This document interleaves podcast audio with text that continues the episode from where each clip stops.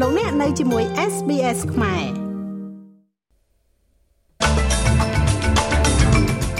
លោក Donald Trump សារភាពថាมันមានកំហុសអភិបាលរដ្ឋ New South Wales ប្រកាសផ្តល់មូលនិធិដល់អ្នកដែលរស់រានមានជីវិតជនរងគ្រោះនិងក្រុមគ្រួសារនៃគ្រោះថ្នាក់រថយន្តក្រុងនៅ Hunter Valley សំណើហាម5និមិត្តសញ្ញាណាស៊ីនិងទង់រដ្ឋអ៊ីស្លាមពីការដាក់បង្ហាញជាសាធារណៈត្រូវបានណែនាំទៅកាន់សភាសហព័ន្ធ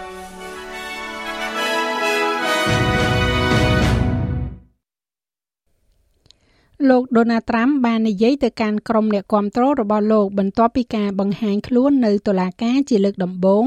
ជំវិញការចោទប្រកាន់ដែលថាបានទុកឯកសារសម្ងាត់មិនត្រឹមត្រូវនៅផ្ទះ Mar-a-Lago របស់លោកនៅក្នុងរដ្ឋ Florida អតីតប្រធានាធិបតីសហរដ្ឋអាមេរិករូបនេះបានសារភាពថាមិនបានប្រព្រឹត្តខុសចំពោះបទចោទប្រកាន់ទាំង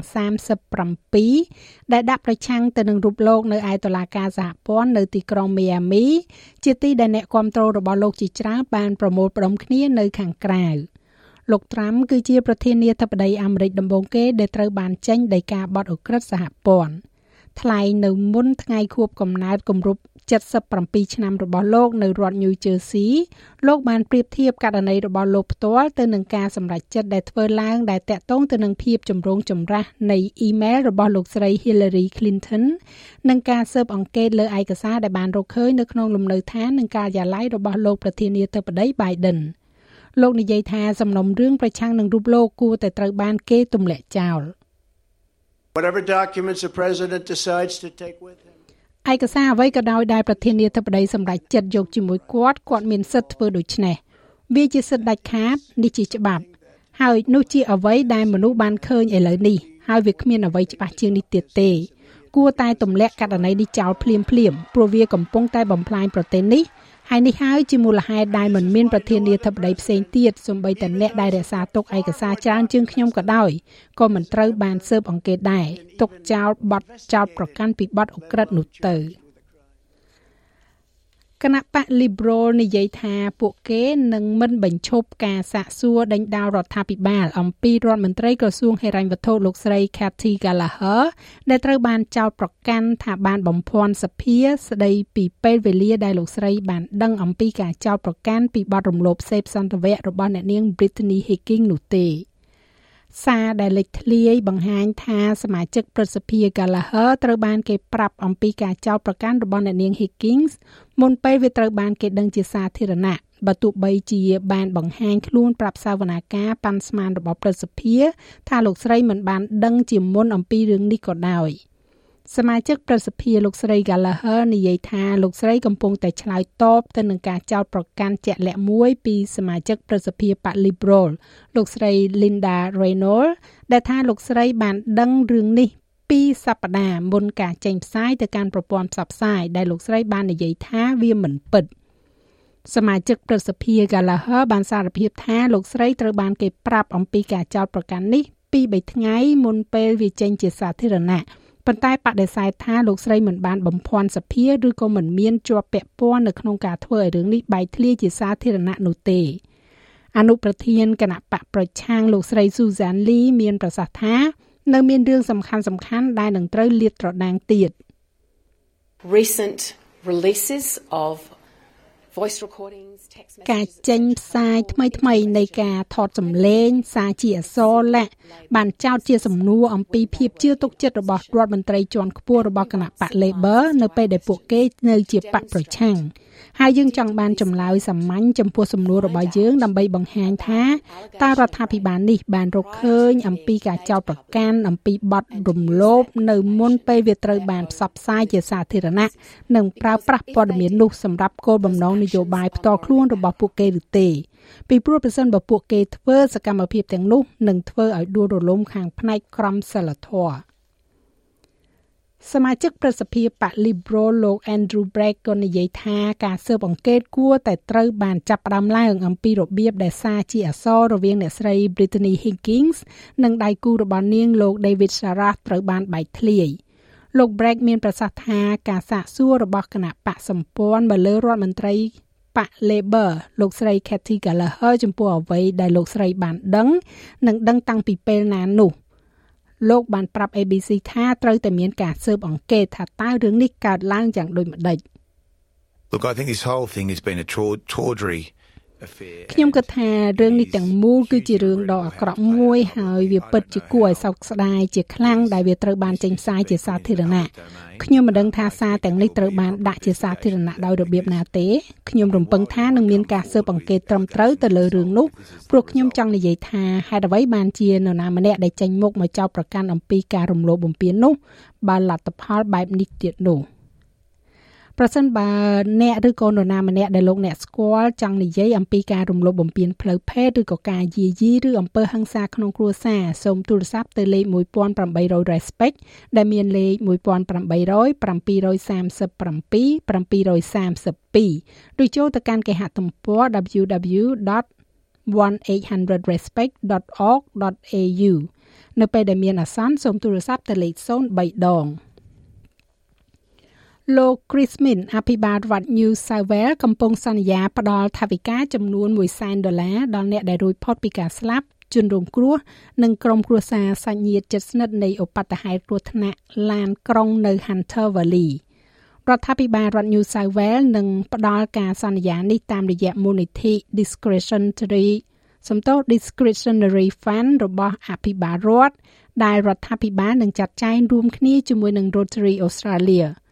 មនុស្ស10នាក់បានស្លាប់និង26នាក់ផ្សេងទៀតបានរងរបួសនៅក្នុងគ្រោះថ្នាក់ចរាចរណ៍ដ៏អាក្រក់បំផុតមួយរបស់ប្រទេសនេះនៅពេលដែលរថយន្តក្រុងដែលចាក់ចែងពីពិធីមង្គលការបានធ្លាក់តាមផ្លូវទៅកាន់ទីក្រុង Singleton ដែលធ្វើឲ្យទីក្រុងនេះស្ថិតនៅក្នុងសភាពកាន់ទុក្ខលោកអភិបាលរដ្ឋ Minsk មានប្រសាសន៍ថាមានទុកសោកសង្រេងនៅទូទាំងប្រទេស The impact of that grief has meant in many cases both mayors will ឥទ្ធិពលនៃទុកសោកនោះមាននៅកន្លែងជាច្រើនអភិបាលក្រុងទាំងពីរបាននិយាយគ្នាប្រជាជនបានផ្ដល់កន្លែងស្នាក់នៅផ្ទាល់ខ្លួននិង Airbnb ដល់អ្នកនៅក្នុងសហគមន៍នេះដើម្បីដោះស្រាយជាមួយមនុស្សជាទីស្រឡាញ់ឬក៏ដោះស្រាយទុកសោកនៃការបាត់បង់នរណាម្នាក់នៅក្នុងក្រុមគ្រួសាររបស់ពួកគេដែលជាលទ្ធផលនៃគ្រោះថ្នាក់ចរាចរណ៍នេះ ខ្ញុំគិតថាវាបង្ហាញពីភាពអស្ចារ្យនៃសហគមន៍មូលដ្ឋាននេះហើយពួកគេមានភាពស្និទ្ធស្នាលប៉ុណ្ណាហើយនៅពេលដែលមាននរណាម្នាក់មានបញ្ហាប្រជាជនទម្លាក់អ្វីអ្វីចោលទាំងអស់ដើម្បីធានាថាសហគមន៍នៅ Cessnock និង Singleton គឺមាននៅទីនោះដើម្បីតំណាងឲ្យសហគមន៍មូលដ្ឋានរបស់ពួកគេ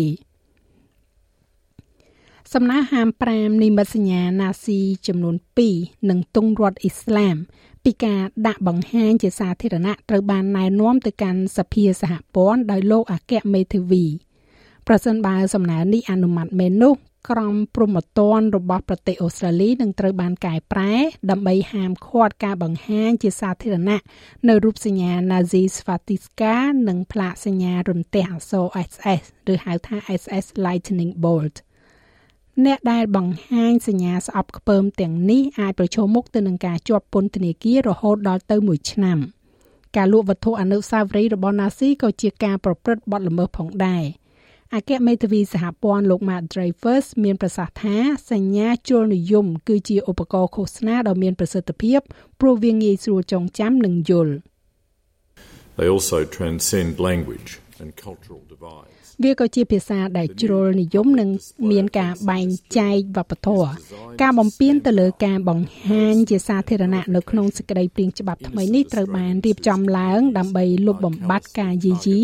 និងការប្រមាថដល់ប្រជាជនអូស្ត្រាលីស្លូត្រង់ដែលសហគមន៍របស់ពួកគេត្រូវបានក្រុមអ្នកគ្រប់គ្រងណាស៊ីនិងនីអូណាស៊ីនិងក្រុមរដ្ឋអ៊ីស្លាម កំណត់គោលដៅយ៉ាងធ្ងន់ធ្ងរ។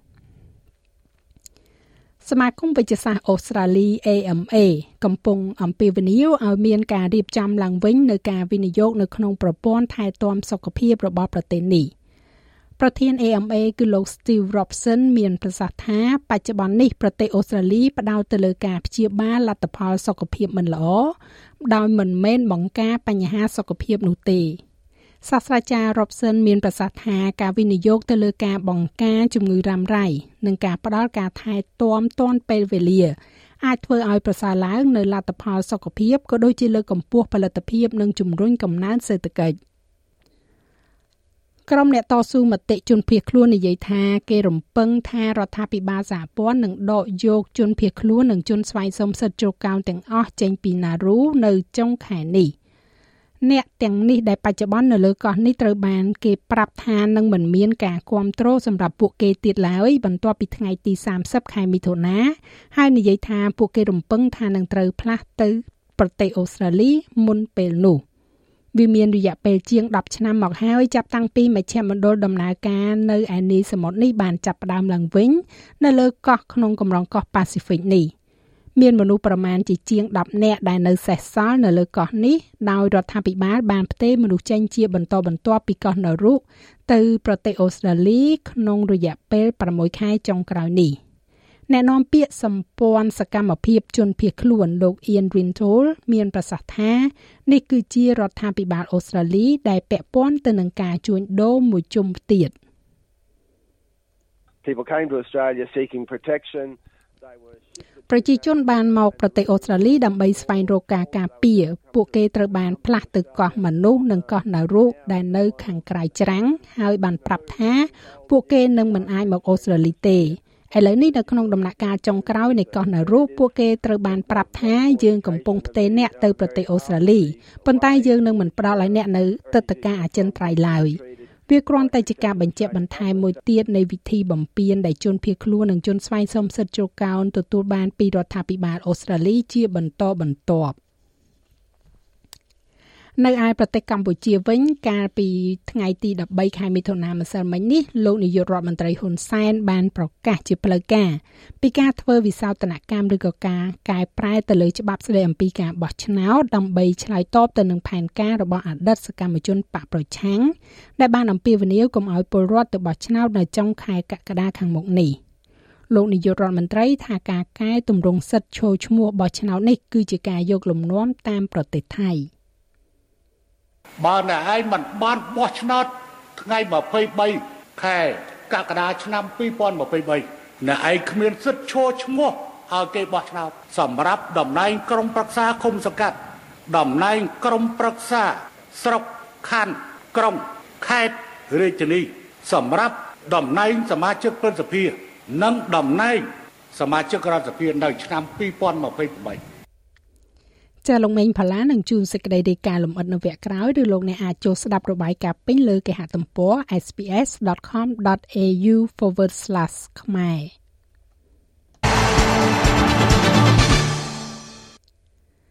ការវិលត្រឡប់មកវិញរបស់កីឡាករវាយកូនបាល់ Tennis Nick Kyrgios បានបញ្ចប់ទៅដោយការបរាជ័យ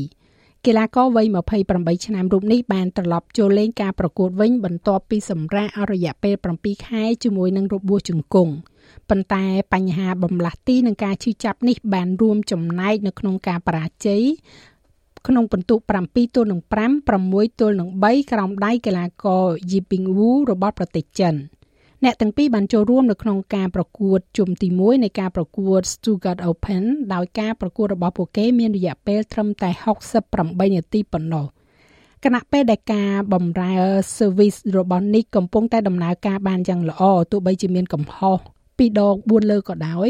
ក៏ Nix ហាក់ដូចជាស្ទាក់ស្ទើរនៅក្នុងការដេញតាមគ្រាប់បាល់នៅក្នុងទីលានប្រកួត ហើយនៅចុងបញ្ចប់គេក៏មានបញ្ហាជង្គង់ក្នុងអំឡុងពេលនៃការផ្លាស់ប្ដូរបន្ទាប់ពីការប្រកួតហ្គេមទី3នៃសេតទី2 Nikiris អាចត្រូវបានគេលឺដោយសារតែគាត់និយាយខ្លាំងៗទៅកាន់ក្រុមរបស់គាត់ថាខ្ញុំមានអារម្មណ៍ថាឈឺជង្គង់របស់ខ្ញុំគ្រប់ចំណុចខ្ញុំមិនអាចដើរដោយគ្មានការឈឺចាប់ទេកីឡាករ លំដាប់ថ្នាក់លេខ25ពិភពលោករូបនេះព្យាយាមបន្តការប្រកួតហើយមិនបានហៅរកគ្រូបង្វឹកទេប៉ុន្តែបានបន្តការប្រកួតដែលគេមើលឃើញថាហាក់បីដូចជាមានបញ្ហានឹងលោតឡើងបន្ទាប់ពីការប្រកួត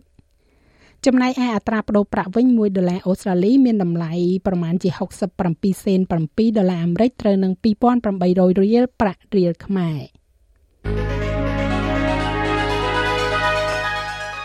យើងក៏លេខមកមើលការព្យាករណ៍អាកាសធាតុសម្រាប់ថ្ងៃប្រហ័សស្អែកនេះវិញ នៅទីក្រុងផឺតរលឹម19អង្សារលឹមបន្តិចបន្តួចនៅអាដាលេដ17អង្សាដូចគ្នានៅមែលប៊ន15អង្សា នៅហូបាតភាគច្រើនបើកថ្ងៃ15អង្សា នៅខេនបេរ៉ាមានពពកដោយពេល13 13អង្សា នៅស៊ីដនីបើកថ្ងៃ19អង្សា បើកថ្ងៃដូចគ្នានៅ Brisbane 21អង្សា ទីក្រុងខានភាគច្រើនបើកថ្ងៃ28អង្សា បើកថ្ងៃនៅ Darwin 33អង្សា និងនៅទីក្រុងភ្នំពេញ មានផ្គររន្ទះ34អង្សា